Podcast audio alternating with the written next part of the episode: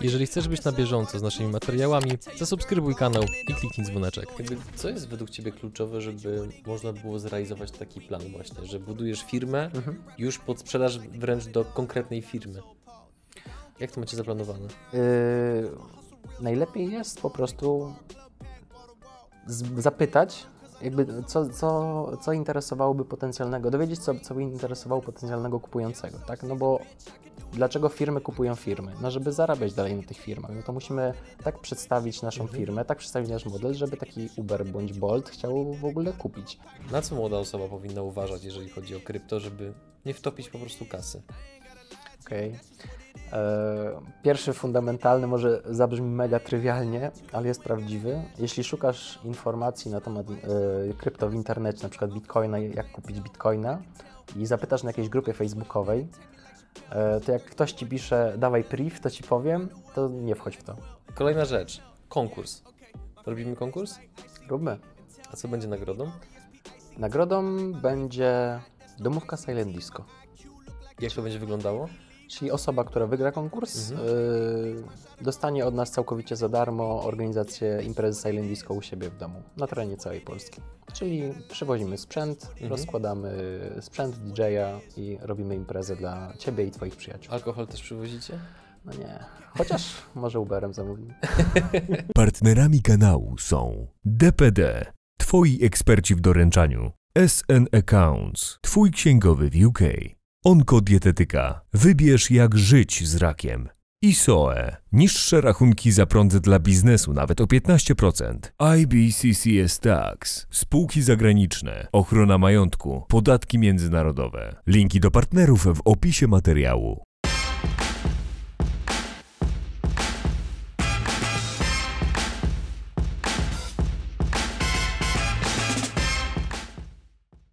Dzień dobry drodzy widzowie, witamy Was w kolejnym odcinku Przygód Przedsiębiorców, gdzie tym razem naszym gościem jest, Bartłomiej Lalek. który zajmuje się... Jestem biznes deweloperem, rozwijam firmy, a potem z nich zarabiam. A ile masz lat? 25. A ile miesięcznie zarabiasz? W przybliżeniu 25 też tysięcy.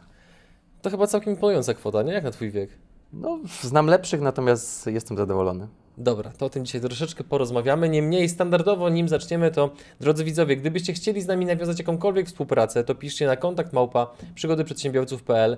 Oczywiście w tym miejscu przypominamy o tym, żeby zostawić suba, komentarz, w którym napiszecie przynajmniej jedną rzecz, którą wyciągnęliście z tego wywiadu, której nauczyliście się dzięki temu, co powiedział Wam Bartek. No i oczywiście zapraszamy Was do naszej grupy na Facebooku oraz do śledzenia nas na Instagramie, gdzie od kulis pokazujemy pewne rzeczy, jak wygląda codzienne funkcjonowanie przygód przedsiębiorców. Standardowo, nim przejdziemy do głównej części wywiadu, zaczynamy od rozgrzewki, która, jak już Ci powiedziałem, polega na tym, że w ciągu 60 sekund zadam Ci jak największą ilość dziwnych pytań. Panie reżyserze, jesteśmy gotowi? 3, 2, 1, start. Najbardziej wstydliwa rzecz, która Ci się przydarzyła w biznesie. E, Wstydliwa. Przebierałem się na planie, byłem półnagi. Najbardziej Na wkurzające pytanie, które zadają Ci ludzie. Dlaczego tak drogo? Mając dodatkową godzinę w ciągu dnia lub dzień w tygodniu, na co go przeznaczasz? E, Na doszkalanie się Czego nie znosisz robić w firmie? rutynowych czynności. Kiedy tracisz poczucie czasu? Kiedy pracuję? Czy jest jakaś postać, na której się wzorujesz lub chciałbyś być jak ona? Mm, hmm, hmm, hmm. Dobre pytanie. Warren Buffett. Miałeś kiedyś przezwisko? Jeśli tak, to jakie? Wczoraj z Magdą o tym rozmawialiśmy. Kocur. Podróż w jakie miejsce zapadła Tobie w pamięć najbar- najbardziej? Do Izraela. Jaka jest zazwyczaj Twoja pierwsza myśl rano? E, Co jest do zrobienia? Czego brakuje młodym przedsiębiorcom w Polsce? Cierpliwości. Kim się stajesz? E, Mądrym człowiekiem.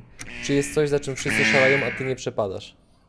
Mm, Zakupy. I po krzyku, które pytanie Cię najbardziej zaskoczyło?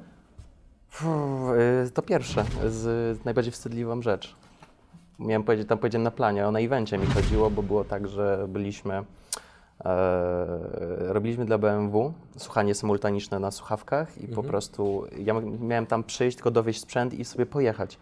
A okazało się tak, że już nie mogłem stamtąd wyjść, bo zablokowali wejście, no i m- przyszedłem w dresach, a wiesz, tam wszyscy odwaleni pod krawatami, to mówię, kurde, to dzwonię do, do wspólnika, żeby przywiózł mi jakiś tam garnitur, nie? No i się przebierałem po prostu, wiesz, tutaj siedzą goście, a za, ten, za nimi, nie wiem, 10 metrów, ja szybko przebieram się gadki, wszystko na widoku, nie? Nie było toalety?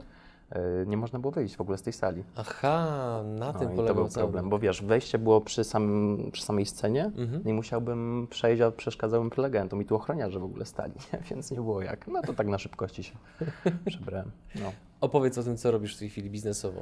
E, Co robię? E, Rozwijam obecnie cztery projekty biznesowe. Dużo. E, No dużo, dużo. Plus zajmuję się jeszcze takimi pośrednictwami. Ja to nazywam bardziej może networkingiem, Mhm. bo zajmuję się też łączeniem kropek. Jeśli, jeżeli ja nie mogę jakiegoś e, tematu przerobić, nie mogę pomóc jakiemuś przedsiębiorcy, nie wiem, swoimi usługami, produktami, Mhm. no to po prostu rekomenduję e, jakieś, e, jakie- jakąś osobę, jakąś firmę, którą znam i sam sprawdziłem, żeby ktoś skorzystał z tych usług, no i w ramach za to też jestem e, wynagradzany bardzo często. Co do samych firm, to warto tutaj wspomnieć, tak, pierwszy mój biznes, który nadal istnieje, jest to moja najdłuższa firma, założona już teraz będzie 5 lat temu, zdaje się, tak, Silent Sound, czyli e, taka innowacja, imprezy Silent Disco, czyli w kompletnej ciszy. Część osób e, nie wie, część osób wie. Imprezy Silent Disco to są takie imprezy, gdzie wchodzimy na taką imprezę, dostajemy słuchawki i e, na sali panuje kompletna cisza, a ty w dowolnym momencie możesz sobie zmienić kanał muzyczny, do którego się bawisz, bo mamy trzech DJ aż do wyboru. Z perspektywy osoby trzeciej wygląda to jak dom wariatów, ale jest mega fajnym, Mhm. zajawkowym e, wydarzeniem. Skąd ci się wziął pomysł na to? Yy, wiesz co, na festiwalu muzycznym Coke Life Music Festival w Krakowie pierwszy raz to zobaczyłem, bo to był chyba pierwszy rok, kiedy ktoś to wdrożył w Polsce.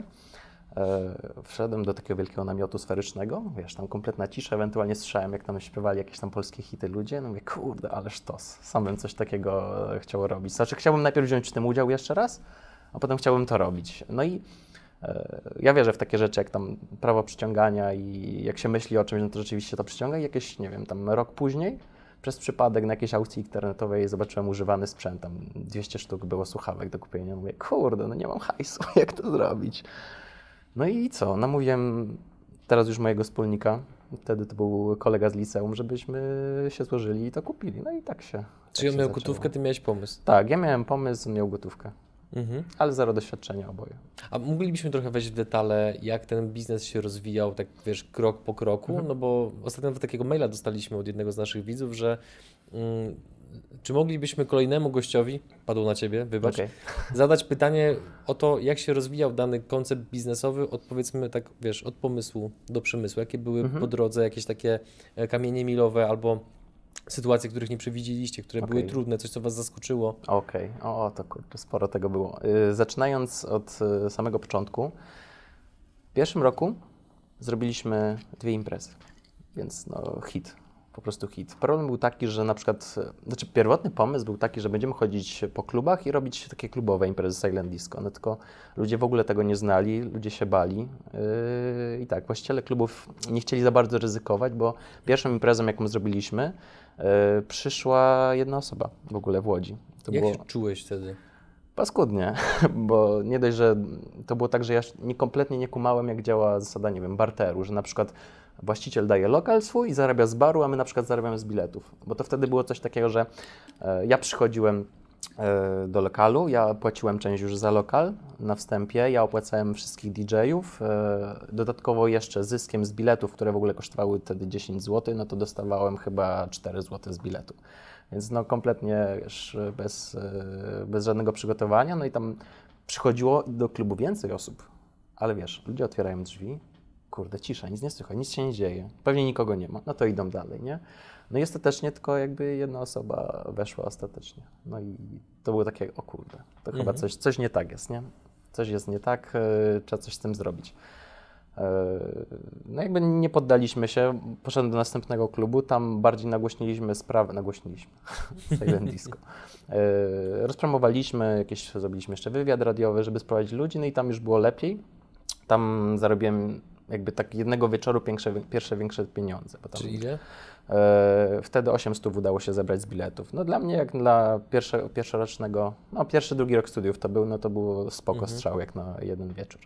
E, przy czym no, to nie był taki mój e, nie wiem, breakthrough moment, bo taki moment miałem pół roku później, jak e, jednego dnia, jednego wieczoru tak naprawdę, robiąc jeden event dla Politechniki Gdańskiej, zarobiłem miesięczną pensję mojej mamy. To wtedy mówię, o kurde, no Mhm. to, Można, chyba, można. chyba coś takiego trzeba robić, Mhm. a, nie, a nie zasuwać gdzieś w pracy.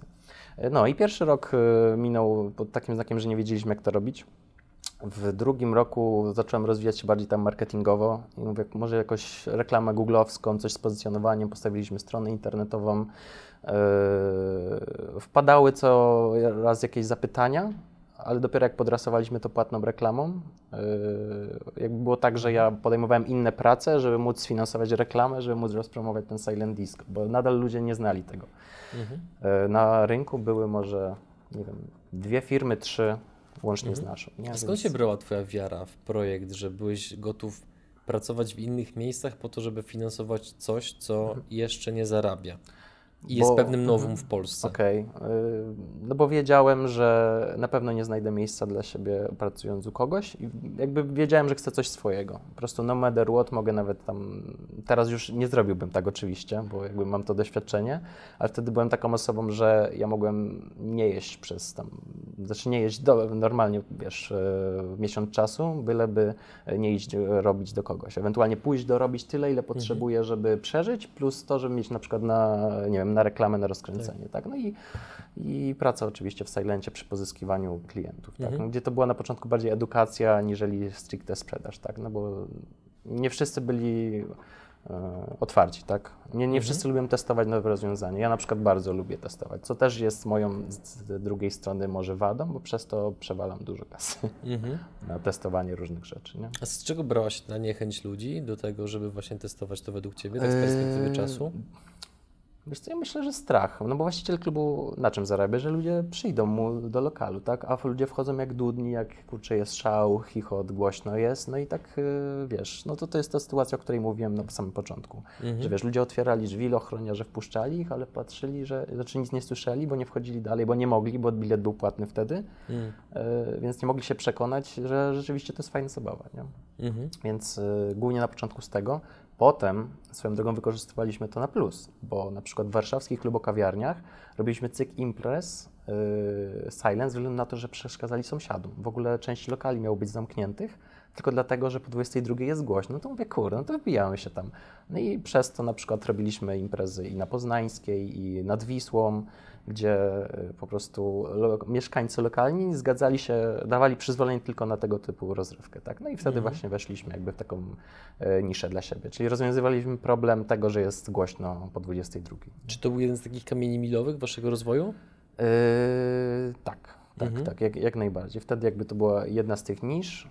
Potem kolejną były y, tłumaczenia symultaniczne, konferencje, że wiedzieli, nauczyliśmy się, że nie tylko można zarabiać na robieniu imprezy, tylko też można jakby w inne segmenty iść, czyli tłumaczenia symultaniczne i robiliśmy na przykład z Radiem Z y, stoiska różne na jakichś targach typu, wiesz, rozstawiamy sobie telewizor, tam leci jakieś y, reklamówki marketingowe, no i do tego możesz sobie posłuchać jakiejś fajnej historyjki i, i tego typu wydarzenia. Albo ostatnio, to jest sztos, o którym warto powiedzieć. W Warszawie odbywają się co jakiś czas takie zjazdy korporacji IT, gdzie specjaliści się robią taki hub i oni wymieniają się doświadczeniem i informacjami. I wymyśliliśmy taki pomysł, żeby w jednej sali zgromadzić 120 specjalistów, zrobić trzy monitory, trzy telewizory wielkie, przy każdym jeden specjalista i oni równocześnie mówią ich wszyscy na słuchawkach. I teraz jest tak, wiesz, słuchasz sobie na przykład o bezpieczeństwie IT, ale mówisz, dobra, przynudza, to przełączasz sobie tylko na drugiego, tylko obracasz głowę i możesz od razu słuchać innej kompletnie prelekcji. No i w tym samym momencie Mhm. e, takie rzeczy na przykład. Nie? Więc już e, od imprezy tak naprawdę przez tłumaczenia po takie eventy szkoleniowe tak naprawdę. Mhm. Ale już operacyjnie nie jesteś zaangażowany w samą firmę? Nie, nie, nie. Okej, jak to Boże. wygląda teraz strukturalnie, że to działa samo bez Ciebie? Mam tak naprawdę menedżera, który tym zarządza. Tak? To był jakby dla mnie jeden z najważniejszych kroków, bo ja też y, jestem osobą, która, znaczy jestem, staram się z tym walczyć, ale wiem, że sam zrobiłbym wszystko najlepiej. Y, I mnie potem zaczęło męczyć, że muszę robić wszystko. No to mówię, no to znajdźmy Mhm. takiego drugiego Bartka. Albo chociaż, żeby był w 80% tak jak Bartek, a resztę mu dopowiem. Tak, ewentualnie dotrudnię mu jeszcze jakiegoś pomocnika, żeby, żeby sobie radzili. No i Mhm. teraz po prostu mam jednego menadżera, który i y, zarządza eventami i, y, czasem jeździ na te eventy, jeśli musi, dotrudnia osoby, żeby technicznie ogarniały e, cały temat, więc e, ja w tym momencie sprowadzam się do tego, że po prostu starsi klienci, którzy mają do mnie bezpośredni numer, dzwonią do mnie, ja odbiorę, jak chcę, to z nimi pogadam i im sprzedam, jak nie, no to po prostu ceduję już na Janusza Mhm. e, załatwienie dalej sprawy. Mhm. Więc tak to sobie wymyśliłem. A co jest w tej chwili waszym głównym kanałem marketingowym? Reklama w Google czy coś Wiesz jeszcze? co, tak, Google. AdWords, 90% robią AdWords, no i rekomendacje tak Mhm. naprawdę. A co było tym bodźcem, żeby w tego Google'a pójść? No bo teraz to się wydaje takie oczywiste Mhm. i myślę, że dla wielu przedsiębiorców to się wydaje oczywiste, a moje, moje obecne pytania mogą traktować, że w ogóle o co on pyta. Natomiast no, ja znam masę przedsiębiorców, którzy wciąż do internetu podchodzą jak do jeża. Że Mhm. jak pada sformułowanie czasami, ja nie wierzę w internet, to tak ja nawet nie wiem, co mam wtedy powiedzieć, czy, on, czy ten gość mnie obraża, czy, czy, czy, czy o co chodzi, nie? Więc ciekawi mnie, co u, was, co u Was było takim impulsem, że tego Google'a poszliście i czemu nie poszliście w niego od razu? Em, czemu nie poszliśmy od razu? Z niewiedzy. Niewiedzy, jak to działa. I e, też było tak, że byliśmy kompletnie wtedy bez kasy i nie było nas stać na konsultacje. Albo uważałem, że po co mam płacić komuś za konsultację, wolę sam poszperać, spędzić na tym miesiąc i znaleźć. Nie? Jakby Mhm. teraz z perspektywy czasu już wiadomo, że czas jest cenniejszy niż pieniądze, bo pieniądze i tak pójdziesz sobie, nie wiem, najwyżej na jeden dzień do roboty dorobić ko- sobie, żeby móc zapłacić za tę konsultację. Teraz już na przykład tak bym zrobił, jakbym zaczynał. E, Natomiast co sprawiło, że Google, e, to, że nagle po prostu ludzie zaczęli dzwonić. Jakby my, teraz jest tak, że 80% klientów, którzy do nas przychodzi, to przychodzą sami, dzwonią, mi sami Mhm. piszą maile.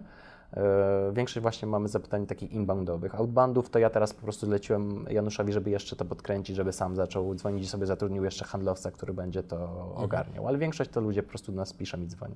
Mhm. I wiemy, że to jest z Google, bo też pytamy zawsze, a skąd tutaj e, pani, pan ma numer. Na, na Google fajną stronę macie. Mhm. Użyłeś takiego sformułowania, że teraz gdybyś zaczynał, to od razu byś poszedł w kierunku chociażby konsultacji, żeby skrócić czas i tak dalej. Tak. Co jeszcze zrobiłbyś inaczej, gdybyś zaczynał od zera? Mm, Teraz jestem bardziej pragmatyczny i chyba nie wszedłem tak all in, żeby Mhm. robić tylko to. Tylko miałbym jakiego, jakiegoś e, joba, mm, takiego etatowego, może nie etatowego, ale żeby po prostu stale sobie dorabiać, żeby mieć spokój e, z egzystencją i po prostu po godzinach bym cisnął, e, cisnął jakiś właśnie temat swój biznesowy, tak? No bo to, co zrobiłem, no to to jest naprawdę test woli, charakteru i no w pewnym momentach, no wiadomo, no już masz to, to też o tym opowiem zaraz, bo ja w pewnym momencie też miałem taki krawędź, że poszedłem na chwilę do korpo. Po Mhm. prostu. To też jest bardziej temat złożony, ale to, to najwyżej poruszymy potem, Mhm. E, bo też szukałem tej stabilności, takiej e, przepływu finansowego miesiąc w miesiąc, bo też już, bo to jest męczące, wiesz, psychicznie, nie? Że jakby wiesz, że okej, zarobiłeś w tym miesiącu, ale wiesz, że musisz jakąś pracę znowu ciągle wykonywać, żeby to się powtarzało i jeżeli tego właśnie sobie jakoś nie zautomatyzujesz, bądź nie masz jeszcze jakiegoś źródła dochodu, no to zamęczy cię to psychicznie, tak? Jak Mhm. widzę teraz, jak ludzie zaczynają, cisną, nie wiem, rok czasu, potem są już po roku wypaleni, bo kurde, ja pierdzielę, robię, robię, robię i no nie mam kasy. Co się dzieje? Jestem zmęczony, wiesz, haruję po tyle godzin, no się, wiesz, nie ma co dziwić, że 90% firm się zamyka już po roku. Nie? Tu mamy podobne przemyślenia. Ja No. też miałem taki epizod w swoim życiu, że zamiast schować dumę do kieszeni i popracować gdzieś jednocześnie, robiąc coś, Tak. właśnie rozwijając projekt, to nie all in, ja nie pójdę do pracy do kogoś, no gdzie Dokładnie. ja, ja. Dokładnie. No i potem jak sobie przypomnę te wszystkie, e, wiesz, bezsenne noce, wstawanie rano i nie chcesz wstać z łóżka, bo, bo wiesz, że ci czeka znowu stres i ta niepewność, czy się uda, czy się nie uda, Mm, to nie jest fajne. Dokładnie, jest fajne. dokładnie. Czyli rekomendujesz teraz młodym osobom, które chciałyby pójść all in, że jednak lepiej zdywersyfikować to? Dokładnie, dokładnie. Ja jakby zdywersyfikować na inne źródło dochodu. Teraz yy, nawet nadal jakby ciągnę ten model, przy czym jakby inne moje źródła dochodu nie pochodzą z pracy dla kogoś, tylko po prostu z Mhm. kilku różnych nóg biznesowych, tak? Yy, tak jak rozmawialiśmy przed programem, że jakby ja czuję większe bezpieczeństwo, jeśli na przykład prowadzę cztery firmy, okej, wiadomo, że fokus jest najważniejszy i to, na czym się najbardziej skupiasz, rośnie najbardziej, ale ja wolę, żeby moje cztery biznesy rosły równolegle mniej, jakby dynamicznie, natomiast suma summarum daje mi tak to większe bezpieczeństwo, gdyby się, wiesz, w jednej branży coś wywaliło. Przykład, teraz nieszczęsny koronawirus, no to ora Oj. branżę eventową po prostu, Mhm. nie? Ostatnio, nie wiem, sześć eventów mi odwołali, bo tutaj jakaś konferencja wypadła, tutaj jakiś, nie wiem, event firmowy, bo nie mogą ze względu na rozporządzenie premiera. Jaka kwota w plecy?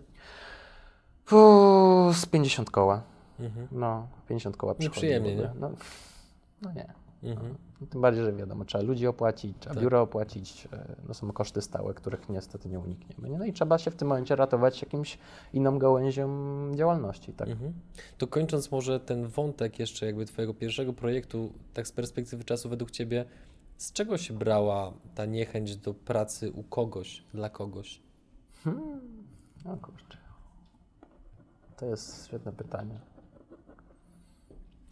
Może dlatego, że. Hmm. Ja jestem człowiekiem, który jakby już się za coś zaweźmie i sobie wbije do głowy, to już e, po prostu jestem sfiksowany. I Ja zaczynając w ogóle, bo też jeszcze było preludium przed założeniem pierwszej firmy, miałem e, swój epizod MLM-owy, jakby w liceum. Oj, to Znana, są- znana firma perfumeryjna. I tam jeździłem też na paru szkoleniach Mhm. byłem, no bo wiadomo, tam liderzy nakręcali, no i tam wiadomo, pojawiły się pierwsze rzeczy w postaci Kiyosakiego, Tracy'ego, no i wtedy człowiek zobaczył, że no można inaczej zarabiać Mhm. kasę. I mówię, kurde, dobra, ja chcę tylko tak. Buduję, nie chcę pracować aktywnie, tylko chcę zbudować sobie pasywo. I wiedziałem, jak już raz zarobiłem pasywnie coś, to potem człowiek jest tak leniwy, że po prostu robi wszystko, żeby, Mhm. żeby tego nie robić. Nie? No i dlatego. Yy... no i przy tym duma oczywiście, nie? No Jak to jest, że ja do kogoś, nie? Już raz pokazałem, że mogę tyle zrobić sam, no to dlaczego mam iść komuś, nie? Co z nim nie tak jest?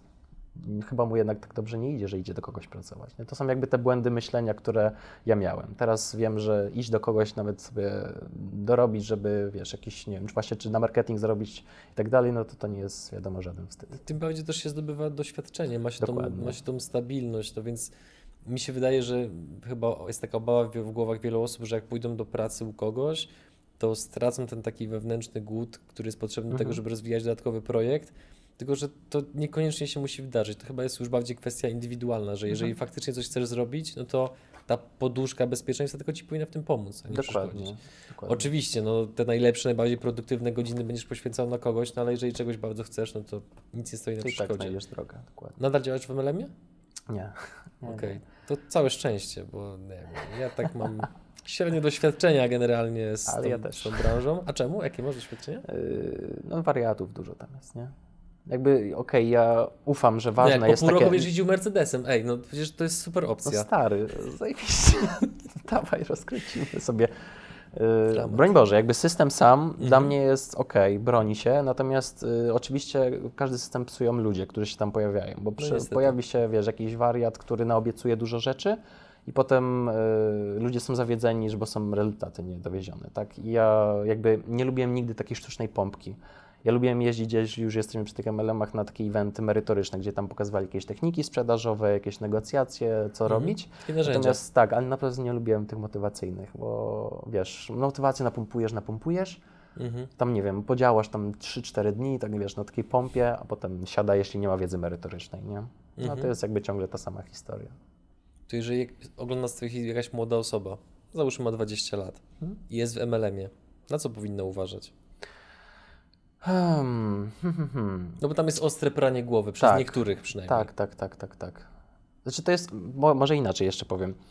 Samo budowanie takiej psychologii sukcesu, że pracą się Mhm. zdobędzie sukces, to jest jak najbardziej okej. Natomiast jakby też nie budowałbym takiego przekonania, że każdy jest na ten sukces skazany. MLM chyba tak się kreuje, że po prostu możesz być każdym, wiesz, szarym Kowalskim, przychodzisz i każdy będzie tutaj, jak powiedziałeś, trzaskał, jeździł Mercedesem, nie? Mhm. E, A, on swoją drogą ja jeżdżę Mercedesem, chyba mi wyszło w takim razie. Ale, to jest, ale ten Mercedes nie jest ze sprzedaży Nie. perfum? Okej. Nie, nie, nie. To akurat za słuchawki zarobione, ale, Aha. e, ale a propos tego Mercedesa. No, ale wracając do Twojego pytania, młoda osoba, która siedzi w MLM, ok, rób to, natomiast rób to etycznie i e, nie, nie rób sztucznej pompy, tylko ucz swoich ludzi e, systematyki i po prostu sprzedaży, takich umiejętności, które są potrzebne w biznesie, tak? Mhm. No bo ja teraz, wiesz, widzę wielu moich znajomych, którzy ze mną robili e, MLM, że każdy teraz ma swoją firmę. Jakby, jak dla mnie MLM to jest taki inkubator przedsiębiorczości, który potem Okej. i tak e, ludzie kończą raczej, 90% osób, których miałem tam, którzy działali, e, teraz mają swoje firmy. Mhm. 5%, e, znaczy ta 10% co zostaje, to robią nadal MLM-y, a reszta to Mhm. stękacze i ci, którzy narzekali, że nie działa nic. Nie? Dobra, tu postawmy kropkę, jeżeli chodzi o MLM. I teraz tak. 25 tysięcy złotych miesięcznie w wieku 25 lat. To jest imponujący wynik. Przyznasz mi rację, czy nie? I tak i nie. Oczywiście zawsze zna się tych, którzy mają więcej, zarabiają więcej, są Dokładnie. wyżej. Spoko. Też to przerabiamy, absolutnie to rozumiem, nie? E, Niemniej taka kasa w takim wieku, przy polskich warunkach, stwarza szereg możliwości, ale również szereg zagrożeń. Zacznijmy od zagrożeń. Hmm? Uderzyła Ci kiedyś sodówka? Tak, w 2017 roku Mhm. Co się stało? Jak to się objawiało? przestałem robić cokolwiek, pracować. Miałem, ogarnąłem oprócz Silentu sobie dodatkowy projekt biznesowy, który mi wkładał kasę automatycznie do, yy, do kieszeni. Brzmi enigmatycznie, co to było? Wiesz co, jeden z takich programów internetowych, tam inwestycyjnych, bo ja wtedy, tak jak Ci powiedziałem, ja dużo rzeczy badałem, ja kocham testować, co się też wiąże często z nakładami finansowymi i, i czasem. Nie? Wiadomo, no jak inwestujesz czas, no to zdobywasz doświadczenie, no ale kasa się bardzo często rozpływała. I to było tak, że za tam pieniądze zarobione na Silencie, e, zainwestowałem w taki tam program internetowy, no i on wypłacał całkiem fajną kasę, jak na tamten czas, byłem na czwartym roku studiów, dobrze mówię? Tak, czwartym roku studiów. Yy, Ja wtedy zarabiałem całkowicie pasywnie 5-6 tysięcy miesięcznie. No mówię, kurde, dobra, to wakacje, nie? I wtedy wiesz, też złapałem fazę na Ranmagedon, jakby tylko skupiałem się na treningach. Czy ja tak naprawdę wstawałem rano, szedłem na trening, potem siada, leżałem cały dzień, nie wiem, oglądałem sobie coś na kompie, potem kolejny trening i tak się to przeplatało. Nie? Czasem jakiś silent oczywiście wleciał, przy czym ja już e, byłem na tym etapie, że no po co mam jeździć, skoro tu mam siano, to mówię, zatrudnię sobie kogoś, tam oddam mu 25% zysku, ale niech on jedzie i to załatwi za mnie. Nie? Miałem też taki motyw, że trochę czułem się taki, wiesz, wyższony, lepszy, że o kurde, widzisz, ty musisz zasuwać tyle czasu, żeby tyle zarobić, a ja nie muszę nic, nie? No ale to jest, to jest zgubne, tak? Mhm. Bo prędzej, znaczy, nic nie jest na zawsze.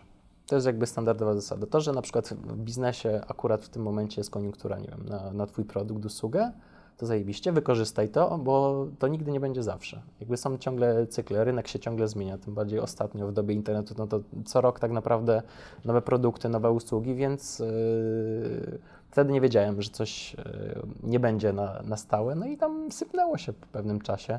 Mhm. Uwalone chyba tam było z, z ile tam w sumie wrzuciłem. Aż tak, za, ostatecznie all in all zarobiłem na tym, natomiast jeszcze dużej kwoty nie wyciągnąłem, tam chyba około 30-40 tysięcy, nie? Mhm. A Mhm. wtedy no, jak na mnie to było bardzo dużo pieniędzy.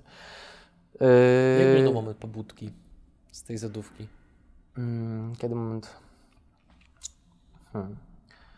Kiedy siedziałem sobie pewnego razu sam w domu i tak mówię, kurde, spotkałbym się z kimś i nie wiedziałem za bardzo do kogo się odezwać. Bo w sumie nie miałem motywacji, żeby wiesz, utrzymywać jakoś kontakty z kumplami. Oczywiście oprócz e, biegowych, tak? No bo biegowi byli zawsze.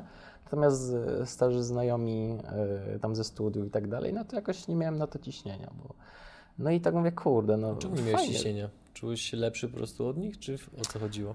jakby no, czułem, że się bardziej rozwinąłem od nich. Jakby czułem, właśnie czułem, jakbym przeszedł do trochę wyższej ligi, że chciałbym się zadawać jakimiś innymi osobami, natomiast jakby nie miałem z drugiej strony motywacji, żeby znaleźć te osoby. Mhm. I byłem, wiesz, w takim e, czyśćcu między Mhm. piekłem a niebem. E, No i wtedy się ogarnąłem, wtedy zacząłem i na szkolenia jakieś chodzić, e, takie rozwojowe i jakieś eventy sobie jeździć, żeby poznawać ludzi, jakieś networkingi, no i wtedy już zacząłem całkowicie takie środowisko zmieniać, do którego dążyłem, tak? Ale tam usłyszałem, że kurde, no Bartek, fajnie, że się zarabia, ale każdy, wiesz, był kie- kiedyś w jakimś miejscu. Ty też rok temu byłeś przecież na miejscu tych kolegów, których tam zostawiłeś, no to weź ich szanuj chociaż, nie? No i jakby wtedy człowiek zaczyna się Mhm. e, war- przewartościowywać różne rzeczy, nie? Twoje doświadczenie w korpo, czego Ci nauczyło? Korpo. Co tam się wydarzyło? Y, Poszedłem do 3 miesiące, na 3 miesiące pracować do EY'a.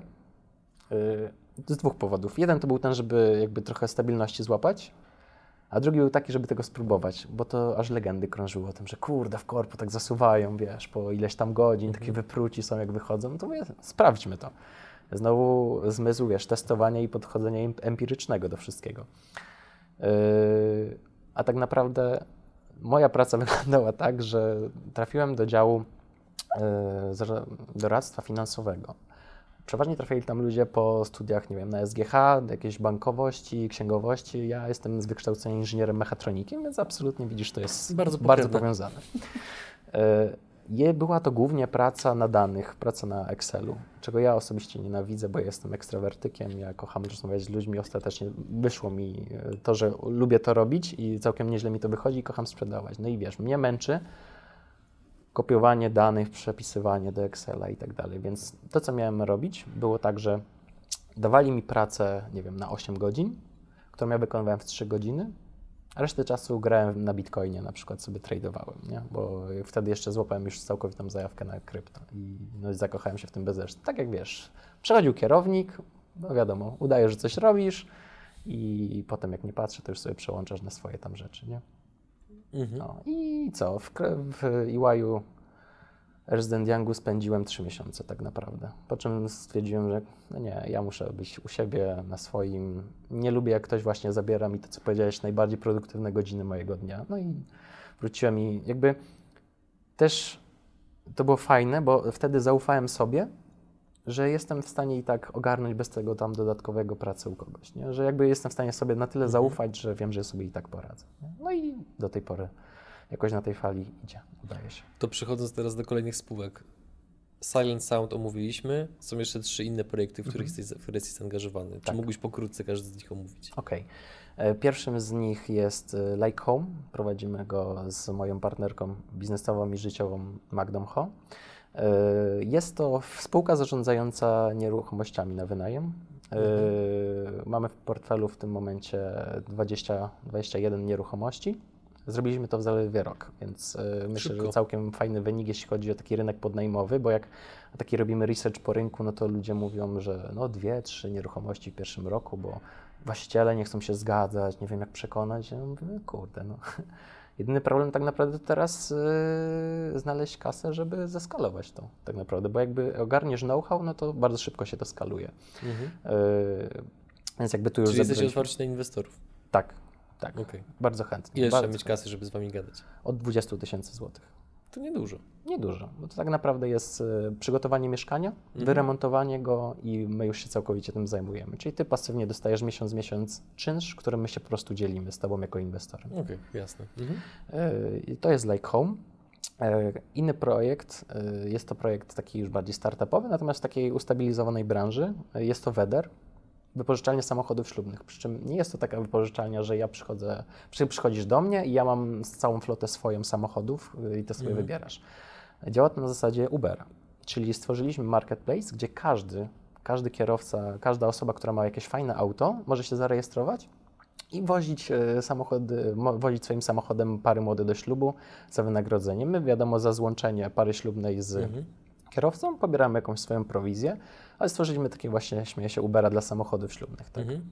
Jak to wam działa? Zarabia na siebie? Y, tak. tak. No, na razie to zarabia tylko na siebie, jakby Mhm. nie dokładamy do tego, natomiast chcielibyśmy bardziej to podrastować marketingowo. Bo Jakby cel w ogóle na tą spółkę nie jest taki long term, tylko wyznaczyłem czas 3 lata, że po 3 latach chcemy się sprzedać do Ubera albo do Bolta, czyli największych jakby tych graczy tego Okej. marketplace'u przewozowego y, Mhm, na mhm. świecie. Tak.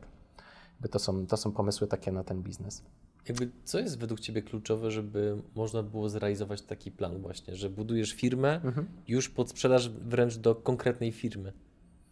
Jak to macie zaplanowane? Yy, najlepiej jest po prostu zapytać, jakby co, co, co interesowałoby potencjalnego, dowiedzieć, co, co by interesowało potencjalnego kupującego, tak? No bo dlaczego firmy kupują firmy? No, żeby zarabiać dalej na tych firmach. No to musimy tak przedstawić naszą Mhm. firmę, tak przedstawić nasz model, żeby taki Uber bądź Bolt chciał w ogóle kupić. E, dlatego co robimy? E, automatyzujemy całkowicie wszystkie procesy. Jakby Jesteśmy na etapie tworzenia i wideo explainerów do tego, żeby, wiesz, załóżmy, że chcesz się ohajtać, i klikasz na nasz fanpage na Facebooku. Do tej pory robiliśmy to tak, żeby zostawić nadal wysoki customer service, że pisaliśmy sami z tobą, nie? Tam mój współpracownik pisał z tobą i ugadał ci, ugadywał ci cały tam, mhm. e, całe szczegóły zlecenia. Teraz jest tak, że my odsyłamy ciebie najpierw na Video Explainer, dlaczego jest super takie skorzystanie z takiej platformy, że masz bogaty wybór kierowców z całej Polski, super fury, że nie musisz się zamykać tylko do tych fur, y, które są, nie wiem, na przykład tylko w Bydgoszczy albo wokół Bydgoszczy, tylko może dla Ciebie przyjechać kierowca z Łodzi, z Warszawy, jeśli ma fajne auto. E, przysyłam go na naszą stronę, a tam już są e, oferty kierowców, gdzie Ty możesz sobie spersonalizować, czego Ty potrzebujesz. Czyli wybierasz sobie, ok, e, Bydgoszcz, wybieram sobie auto, nie wiem, nowoczesne, rocznik 2016 wzwyż, nie? Mhm. I dostajesz od nas szereg propozycji takich samochodów, jakie Ty mógłbyś wybrać. Wybierasz sobie auto, płacisz od razu sobie zadatek, dostajesz od razu umowę na swojego maila z podpisem do, e, wiesz, do zatwierdzenia deala, odsyłasz nam umowę i, i jakby się już odbywa. I dalej jakby my jako WEDER nie uczestniczymy w procesie, tylko kierowcy sam, sama się, sam się z Tobą dogaduje już e, co dalsze szczegóły. Czyli tak naprawdę scedowaliśmy ten customer service już na kierowcę, po to, mhm. żebyśmy mogli skupić się tylko i wyłącznie na marketingu tych samochodów kierowców, którzy nam zaufali. Mhm mam takie pewne pytanie do tego projektu, ale je zadam dopiero jak powiesz o czwartym projekcie. Dobra. Dawaj. E, I czwarty projekt to jest tokenomic, czyli mhm. to jest e, kantor kryptowalutowy. Z racji tego, że krypto jest moją po prostu miłością i wierzę w to bardzo mocno, mhm. E, postanowiłem po prostu założyć kantor, żeby móc pomagać ludziom czy kaszować swoje zyski na krypto, czy móc sobie kupić w bardzo prosty sposób, także bez e, wchodzenia mhm. na giełdy, bo teraz problem jest na przykład z giełdami kryptowalutowymi taki, że proces weryfikacji jest długi i kas, e, czas jakby działania, przelania kasy i zajęcia pozycji jest długi. A w kantorze umawiamy się po prostu, dzwonisz do mnie, nie wiem, godzinę wcześniej, przychodzisz do mnie, płacisz cash, ja ci daję bitki i od razu możesz tym handlować. Więc jakby skracam całkowicie czas. Mhm. No i mhm. możesz u mnie to załatwić gotówkowo całkowicie, tak? Co też wiąże ze sobą inne korzyści. Mhm. Przede wszystkim korzyści. prywatności. Przede mhm. wszystkim prywatności. Z tego, co mówisz, przynajmniej w mojej głowie wyłania się taki obraz, że jesteś w stanie, oczywiście nie sam, bo na pewno za tym też stoi zespół, ale że jesteście w stanie bardzo szybko skalować pomysł od razu do, działającej, do działającej firmy, spółki. Co jest kluczowe w takim przejściu od czegoś, co jest na papierze, do faktycznie działających mhm. procesów, które są dochodowe? Przede wszystkim wybranie odpowiedniego modelu biznesowego. Yy, większość znaczy, ludzie mówią mi czasem, że ja robię startup, ale ja nie robię startupów, bo ja od razu jakby zakładam firmę. Bo co to jest startup? Startup to jest przedsięwzięcie, które jeszcze nie zarabia, a najczęściej jeszcze konsumuje hajs inwestorów. Mhm. Ja staram się robić tak, żeby ten okres startupowy trwał jak najkrócej i żeby jak najszybciej firma zaczęła zarabiać, nawet jeśli to jest taki rynek, którego jeszcze nikt nie wyeksplorował, czyli tak zwany błękitny ocean. Tak? Wiem, że marketplace'u dla samochodów ślubnych jeszcze nikt nie zrobił, takiego stricte dla samochodów ślubnych, Natomiast wiem, że same samochody ślubne nie są nowym biznesem, więc po prostu łączę takie klasyczne modele, które działają, od razu będą mi keszować z jakimś innowacją e, w postaci mhm. marketplace'u, tak na przykładzie Wedera na przykład, tak? I od razu dobudowuję takie elementy, które pomogą mi e, wyjść całkowicie z firmy, żebym ja nie musiał tam operacyjnie nic robić i staram się budować to tak, żeby skala na przykład była zależna albo od kapitału, który dostaniemy od inwestora, albo y, na internecie budować skalę. Jakby mhm. szukam takich przewag konkurencyjnych, żebyśmy mogli szybko się, szybko się zeskalować i zautomatyzować. Gdzie szukać wiedzy, żeby myśleć w podobny sposób do Ciebie? E, najlepiej w książkach i w internecie. Ja co do samego skalowania biznesu, mm, kogo mogę polecić? Eee, bardzo fajnie na przykład e, Rafała Brzoski słuchać. E, jest w ogóle jednym z moich idoli, e, jeśli chodzi o polską przedsiębiorczość. Szapoba dla niego. Co do skalowania jeszcze Lech Kaniuk oczywiście. Lech Kaniuk i warto przeczytać Siłę Pędu, mhm. gdzie też fajnie opisuje swoją przygodę i jakby on też jest od razu sfokusowany na, na skalowanie właśnie co też potwierdza swoimi tam historiami w postaci pizzy porta ale, e, i tak dalej, więc e, znaleźć sobie przedsiębiorcę, który już zbudował duży biznes, tak? No bo wiadomo, nie każdy przedsiębiorca marzy o tym, żeby prowadzić ogromną firmę. Mhm. Niektórzy są, wiesz, najszczęśliwsi na świecie, jeśli prowadzą kwiaciarnię, nie wiem, jakiś sklep y, osiedlowy. Mhm. Natomiast znaleźć takiego przedsiębiorcę, który zbudował dużą skalę i po prostu obserwować y, to, co on robi i powtarzać, tak? No bo skoro ten model działa u kogoś, no to czemu ma nie zadziałać e, u Ciebie? Mhm. Jakie błędy myślowe u Ciebie najbardziej hamowały Twój rozwój, patrząc z perspektywy czasu? Oczywiście pewnie też występują pewne teraz, no bo jednak nie Mhm. masz 100 lat, tylko masz 25, No, więc dokładnie. pewnych rzeczy nawet nie wiesz, że ich nie wiesz, ale na pewno też niektóre błędy z perspektywy czasu już zidentyfikowałeś, że one Ci szkodziły i były Twoim hamulcem ręcznym, Mhm. mocno zaciągniętym. Co to było? Przede wszystkim y, strach przed płaceniem za wiedzę, że nie doceniałem tego, że lepiej zapłacić komuś za wiedzę i oszczędzić czas, tam nie wiem, miesiąc na przykład dwa na research jakiejś sytuacji, niż właśnie samodzielnie szukać na własną rękę, tak. Y, przewartościowałem sobie całkowicie pojęcie czas i pieniądz, tak. Jakby dużo dla mnie ważniejszy jest teraz y, czas i tego się trzymam. Y, co więcej, e, błędne przeświadczenie na temat tego, natomiast, e, na temat tego że mm, każdy robi marketing, żeby ci coś na siłę opylić. Nie? Jakby nie widziałem tego, że kurczę, za tym, że rzeczywiście ktoś mi coś chce sprzedać i że rzeczywiście jakaś wartość, którą ja potrzebuję. A często po prostu myślałem tak, że ktoś na siłę chce mnie uszczęśliwić, gdzie ja tego nie potrzebuję. No i na przykład tak było, gdzie dzwonili do mnie na przykład z jakimś szkoleniem marketingowym bądź, e, nie wiem, sprzedażowym. Rzeczywiście ja tego potrzebowałem, nie zgadzałem się, bo po prostu nie chciałem od nich kupić, tak dla zasady nie chciałem od nich kupić. Tak po polsku. Ale, ale, ale sam się doszkalałem w internecie, słuchałem YouTube'u, YouTube'a i tak dalej, nie? Więc e, Mhm. no dokładnie, tak, takie, nie wiem, czy to wynika tutaj z naszej e, naleciałości narodowej, czy nic. No to musiałem Mhm. bardzo mocno przepracować, nie? Że Mhm. teraz na przykład mam tak, że jak ktoś do mnie dzwoni z ofertą, to zawsze go wysłucham. E, Nie podejmuję oczywiście od razu decyzji, jakby też mówię zawsze na przykład telemarketerowi, że ok, ja nie kupię w tym momencie od Pana, ale jeśli Pan mi da czas i zadzwoni na przykład jutro, to możemy porozmawiać i albo kupię, albo nie kupię. Mhm. I bardziej analizuję sytuację, bo to ja też bardzo szybko, to jest plus i minus, podejmuję bardzo szybko decyzje. Czasem są nieprzemyślane, z czego pokłosie bardzo często długo się za mną ciągnie, natomiast teraz staram się więcej, więcej myśleć nad Mhm. niektórymi sytuacjami. A z czego wynika Twoja miłość do krypto? To jest taki święty graal mm, libertarian. Tak Jakby taka ostoja wolności, gdzie jest to prywatne, nie ma żadnej instytucji, która nad tym czuwa, państwo nie może na tym położyć łapy. Znaczy teraz już e, technologia śledzenia na tyle jest e, dobrze rozwinięta, że jest to możliwe. Natomiast e, to jest jakby taka ostatnia ostoja mm, wolności dla mnie. Jakby wolność jest dla mnie nadrzędną wartością. Najważniejsza jest dla mnie, to jest najważniejsza dla mnie wartość w życiu jakby w krypto, bitcoinie, w tym, że mogę sobie, nie wiem, przewieźć y, przez granicę ile bitcoinów chcę, no to to jest dla mnie, wiesz, taki symbol, że kurde, no, nic, nikt mi nic nie zabierze, tak? Mam schowane to na swoim wolecie, e, klucze prywatne mam schowane, bądź ja je znam tylko ja, no i tylko mu- musieliby mnie torturować, żeby, wiesz, żeby zabrać mi tą kasę. A tak to co, masz kasę w banku, no to co, komornik może ci zająć to w moment. E, na Cyprze chyba w 2008 albo 2012 była taka sytuacja, że wiesz, ludzie potracili oszczędności, bo banki zaczęły upadać, no to co, z depozytów klientów ściągali, e, a w Bitcoinie tak nie ma. Ty jesteś sam swoim bankiem i tylko ty e, jakby tym władasz, tak? Jakby Mhm. wychodzi ta potrzeba też niezależności po prostu. Pewnie, nie?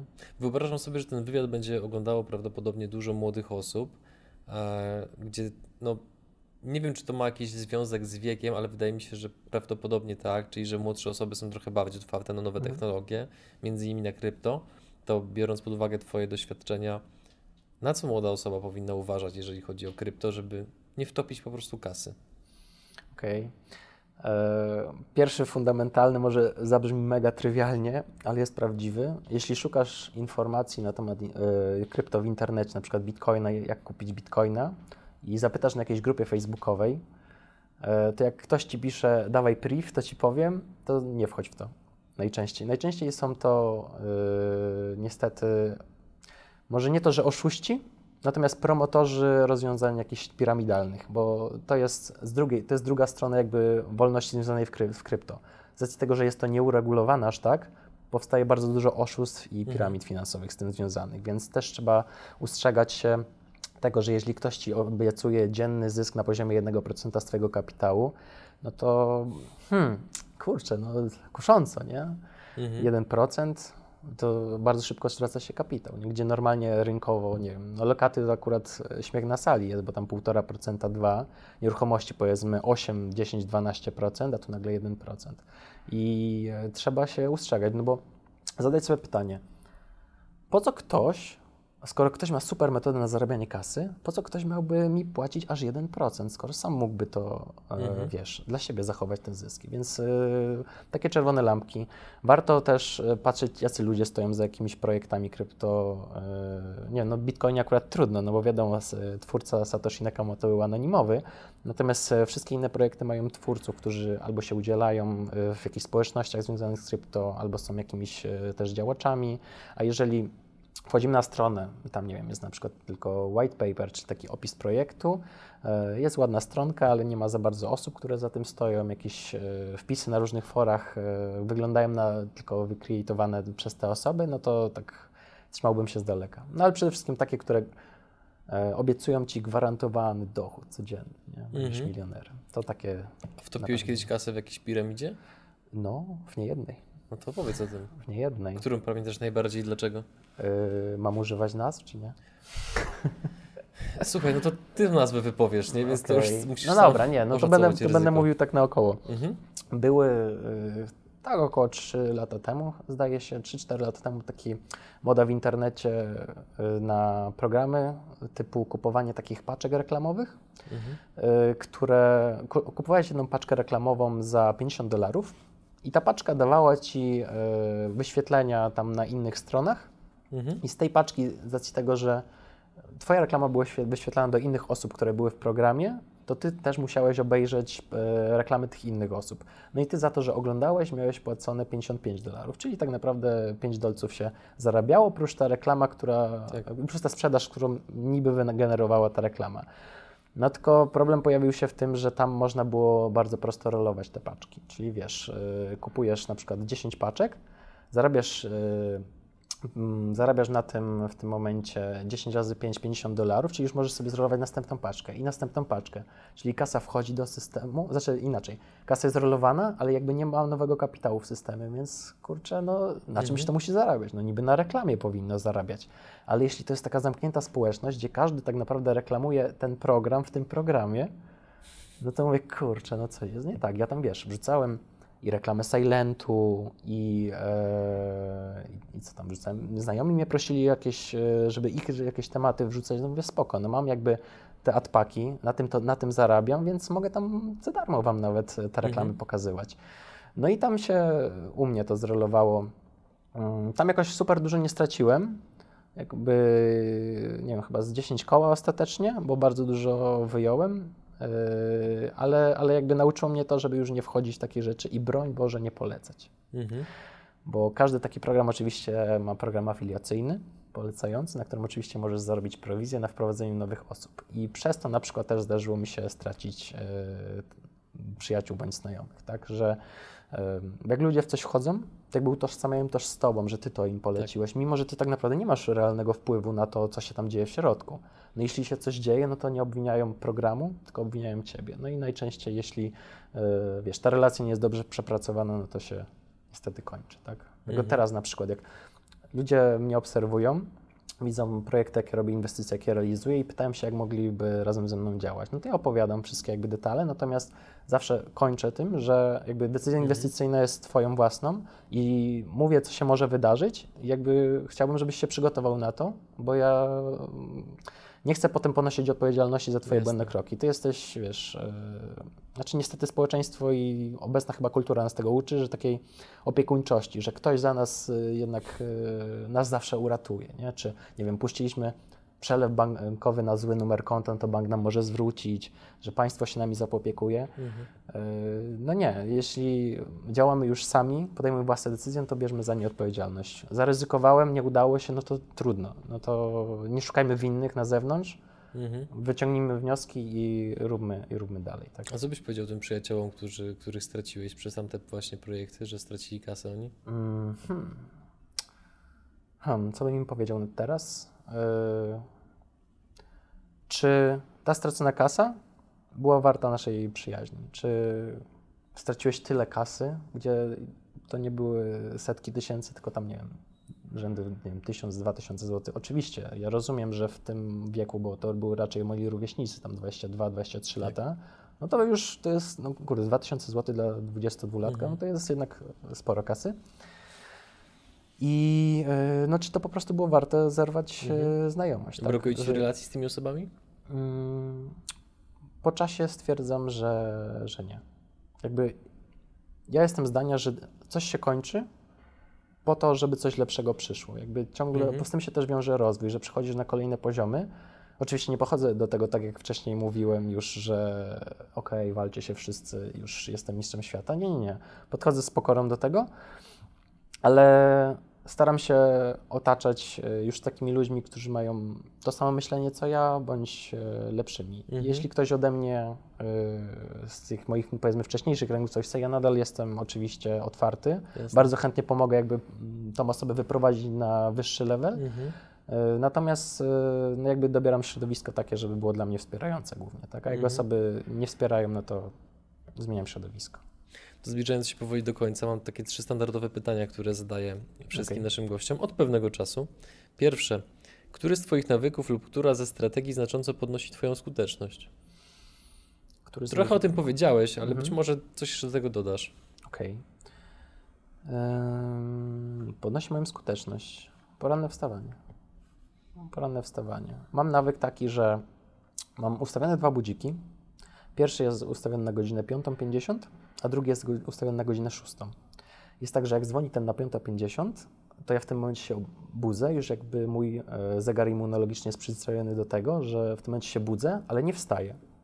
Tylko robię taką jakby 10-minutową medytację, rozluźnienie całego ciała po to, żeby się przygotować do dnia. I dzwoni drugi budzik i to jest dla mnie w tym momencie start, że ok, możemy wstawać i możemy działać. Mhm. Oczywiście też mam problemy takie, że najgorsza jest sytuacja dla mnie jest taka, kiedy mi się akurat coś śni i zadzwoni budzik, to wtedy mam, jestem wybudzony z tej najgłębszej fazy snu i jestem po prostu potwornie zmęczony.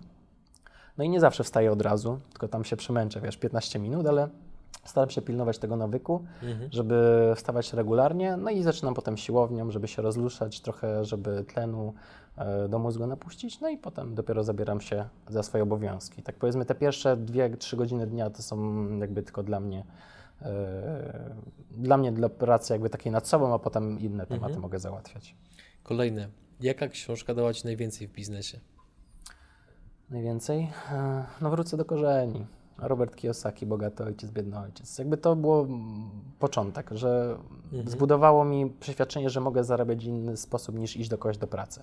Ja pochodzę y, z rodziny, której po prostu są pracownicy etatowi mm, i jakby zawsze było takie pytanie, nadal w ogóle było, nie wiem, do zeszłego roku chyba, do czasu, kiedy nie przyjechałem nowym autem do domu, że znalazłbyś sobie normalną robotę w końcu.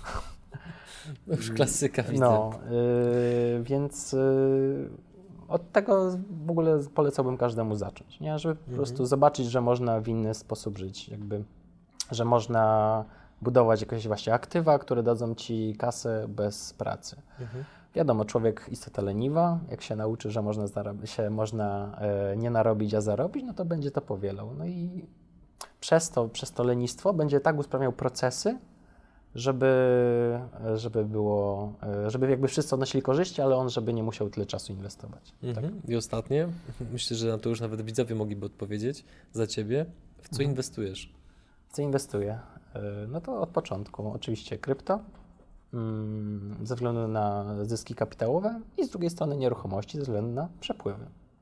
Ja jestem fanem łączenia strategii i przepływów kapitałowych i zysków kapitałowych, no bo tylko równowaga tak naprawdę zapewni nam spokój, tak? Mhm. Y, Z innych rodzajów inwestycji, nie wiem, czy można, można nazwać, tworzenie biznesów jeszcze nazywam inwestycjami, tak? Inwestuję w projekty, w startupy, w firmy. Na przykład jednym z takich firm jest y, Chorum Bank, czyli e, jeden z pierwszych na świecie banków opartych o technologię blockchain. Tak? To jest co ciekawe polski projekt, który uważam, że warto śledzić i warto wspierać. Mhm. Tym samym doszliśmy do końca wywiadu, więc teraz e, powiedziałeś w trakcie, że teraz jesteś dużo bardziej skłonny kupować czyjś czas po to, żeby po prostu skrócić drogę do pewnych rzeczy.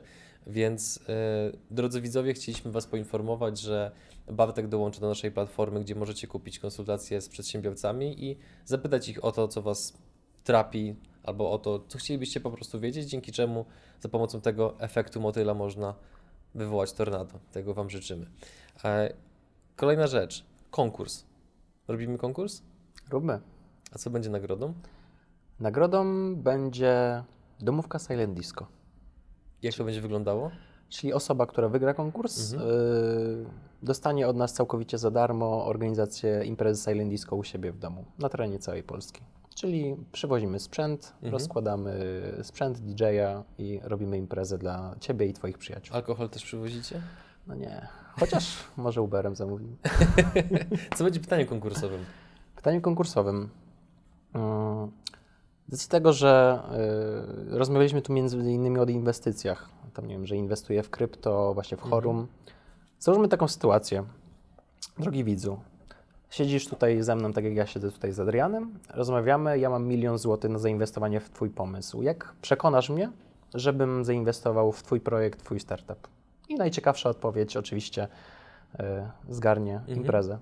Ja tylko dodam do tych z Was, drodzy widzowie, u których teraz w głowie się pojawiło, ale gdzie przecież nie będę się chwalił swoim pomysłem na forum i w ogóle, to musicie wiedzieć o jednej rzeczy, bo taka myśl, jeżeli pojawia się w głowie, to przeważnie, przepraszam za dosadność, pojawia się w głowach osób, które są dopiero na początku swojej drogi biznesowej.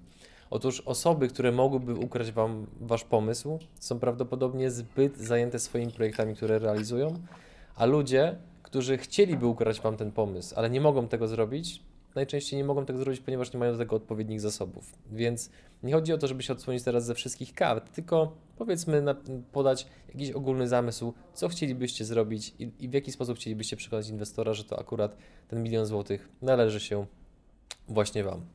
Tymczasem ja Ci dziękuję za odwiedzenie nas w naszym studiu w Bydgoszczy. Do zobaczenia na kolacji wieczorem. Dokładnie. E, koniecznie razem z Magdą sprawdźcie Myślęcinek. Największy park miejski w Polsce, więc drodzy widzowie, jeżeli kiedyś będziecie w Bydgoszczy, to koniecznie zajrzyjcie do Myślęcinka. E, A tymczasem ja Wam dziękuję za Wasz czas. Mm, Zachęcamy Was standardowo do zostawiania subskrypcji, ponieważ w tym roku celujemy w 100 tysięcy subów na koniec roku. Przypominamy o tym, że jesteśmy dostępni również w wersji podcastowej oraz zapraszamy Was do naszej e, grupy na Facebooku. Bartek, jeszcze raz dzięki. Dzięki Do zobaczenia w przyszłości i wszystkiego dobrego. E, naprawdę podobał mi się ten wywiad. Dziękuję Ci. Dzięki.